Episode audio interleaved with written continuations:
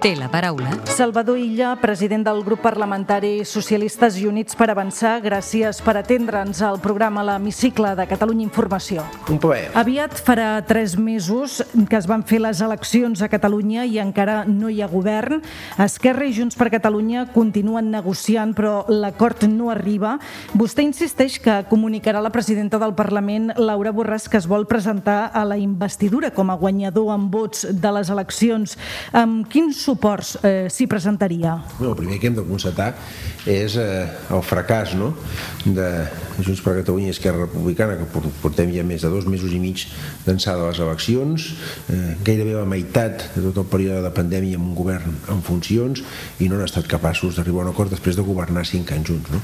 Estem parlant ja el sentit del ridícul, no? o sigui, estem perdent ja el sentit del ridícul aquestes dues formacions polítiques. No hi ha hagut tres fracassos, no posar-se d'acord per substituir el senyor Torra, el primer era sessió d'investidura el 26 de març fallida del senyor Aragonès, la segona sessió d'investidura dimarts 30 de març fallida també del senyor Aragonès i un ultimàtum també fallit del senyor Aragonès. No?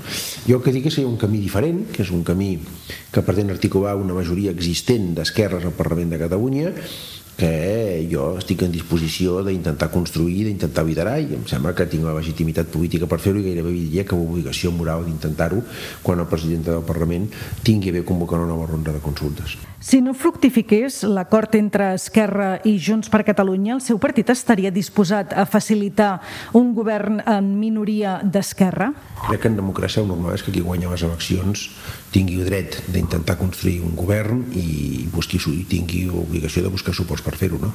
no de donar suports a qui les ha perdut. Descartar del tot un escenari de repetició electoral a Catalunya?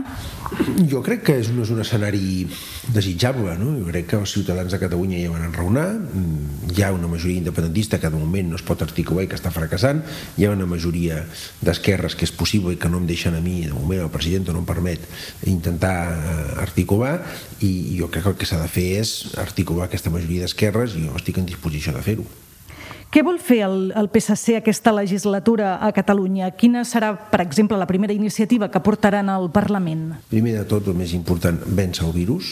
És veritat que estem en camí d'aconseguir un 70% de persones vacunades aquest mes d'agost, com jo mateix en la meva condició de ministre de Sanitat vaig ja anunciar a finals de l'any passat, però és veritat que en queda encara molta feina per fer. No? En segon lloc, reactivar l'economia aprofitant els fons eh, europeus, els fons Next Generation, i en tercer lloc, garantir que ningú queda endarrere després d'un any que ha estat molt dur. No? A més a més, obrir eh, dues taules de diàleg, la taula compromesa en l'ocasió de la investidura del senyor Pedro Sánchez, el president del govern, entre el govern de Catalunya i el govern d'Espanya, però també una taula de diàleg entre els grups parlamentaris de Catalunya, perquè s'ha d'obrir també un diàleg Catalunya endins. No? En cas que finalment hi hagués un govern presidit per Pere Aragonès, quin seria el paper del PSC eh, al Parlament? Per entendre'ns, faria d'oposició o podríem veure un PSC donant suport a iniciatives com per exemple, els pressupostos o qüestions socials tenint en compte eh, el context de múltiples eh, crisis que viu el país? Bueno, veurem si això succeeix. Jo insisteixo que de moment hi ha hagut dos fracassos del senyor Aragonès. El PSC sempre ha tingut una actitud constructiva en política, sempre hem defensat polítiques útils que afavoreixen la vida dels ciutadans, però en el cas que hi hagués un govern com el que vostè menciona, nosaltres seríem una alternativa a aquest govern que intentaria, des de la condició d'alternativa a aquest govern, facilitar tot allò que tendís a millorar la vida dels ciutadans de Catalunya i, per tant, amb un enfoc sempre constructiu, positiu i de, de, de fer que la política sigui una política útil als ciutadans. No? Amb aquest enfoc eh, constructiu dedueixo que mm, donarien suport a iniciatives que ajudessin eh, a millorar eh, l'economia o la vida social dels catalans. Sempre ho hem fet així els socialistes. A totes les institucions de govern ens ha tocat, hem exercit el paper que ens han volgut otorgar als ciutadans i sempre hem tingut un enfoc constructiu i positiu, naturalment defensant el nostre punt de vista i les nostres posicions polítiques. Els resultats electorals d'aquesta setmana a Madrid poden afectar la carpeta catalana? Per entendre'ns, creu que poden eh, afectar eh, el tema dels índols als presos independentistes? No, jo crec que no són qüestions que són, eren unes eleccions a la Comunitat Autònoma de Madrid que bueno, poden tenir una, una reverberació a la política nacional però no afecten en res això que vostè em pregunta. Vostè creu que els indults podrien eh, ajudar en aquesta política de retrobament que defensa el PSC? Jo crec que els indús és una obligació que té el govern d'Espanya en pel que fa a la seva tramitació. Jo crec que el que hem après tots, em sembla a mi, mm, almenys a mi m'agradaria que fos així, després d'aquests anys eh, que jo crec que no han sigut positius per la política catalana, és la necessitat de respectar l'estat de dret, el marc de convivència que ens hem donat, i dins d'aquest marc de respecte a l'estat de dret, quan una persona sol·licita un indult, hi ha obligació per part del govern d'Espanya de tramitar-lo, sol·licitant uns informes que són preceptius pel que fa a la seva sol·licitud, que han de figurar a l'expedient, però que no són determinants a, a, a l'hora de configurar la decisió que ha de prendre, eh, que ha de prendre en aquest cas el Consell de Ministres a proposta del ministre de Justícia. No?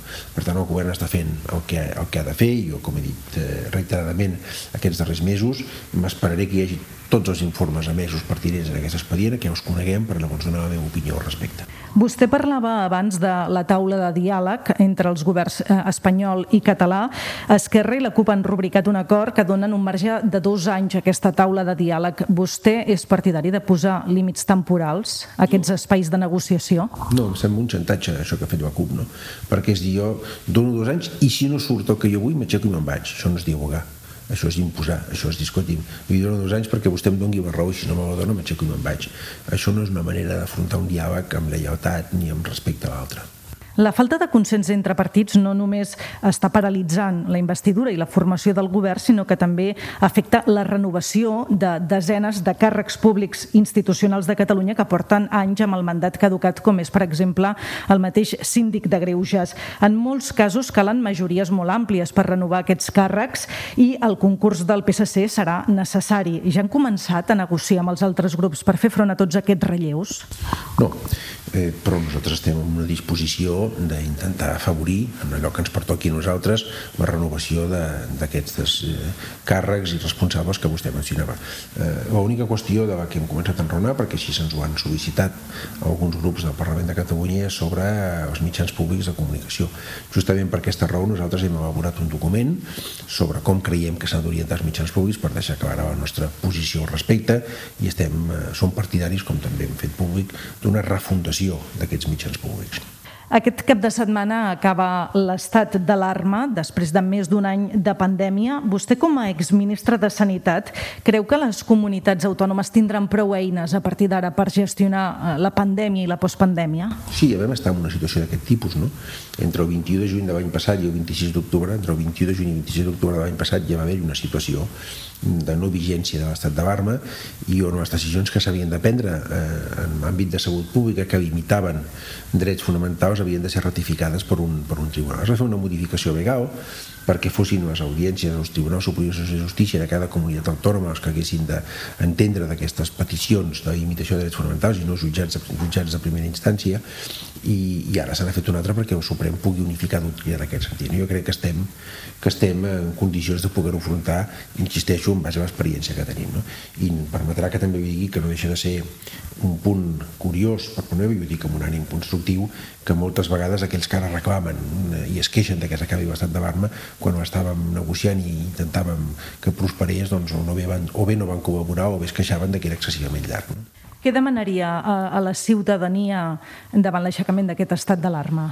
Que no confonguem la, fin la finalització de l'estat d'alarma amb la finalització de la pandèmia. Si li sembla bé, ens endinsarem ara en el terreny més personal. Li demano si pot contestar a partir d'ara amb respostes al màxim de breu possibles. El seu partit el defineixen com l'home tranquil. M'han dit que té un truc per controlar els nervis que porta a les butxaques. Clips, porto molts clips i, i a vegades jugo amb els cabics. És una bona manera de fer passar els nervis? És una manera que tinc jo, de vegades entretenir el neguit que pugui tenir amb, amb, amb una cosa a la mà.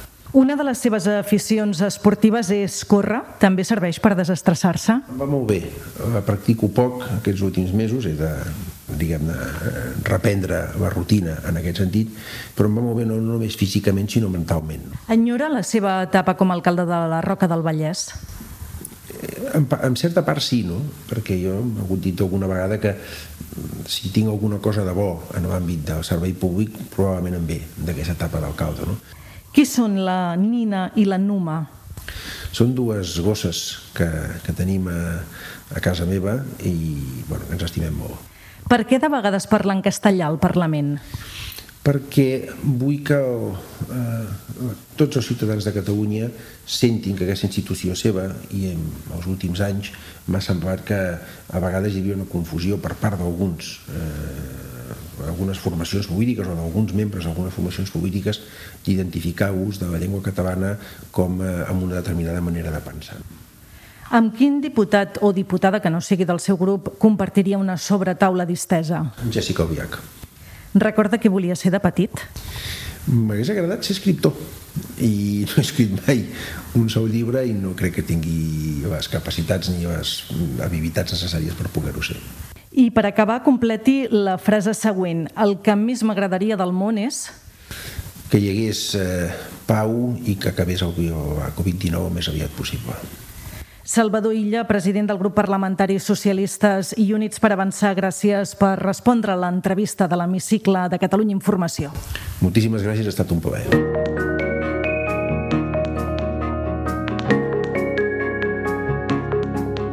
Podeu tornar a escoltar l'hemicicle al web catradio.cat barra hemicicle o al podcast del programa i seguir l'actualitat del Parlament al perfil de Twitter arroba L-hemicicle.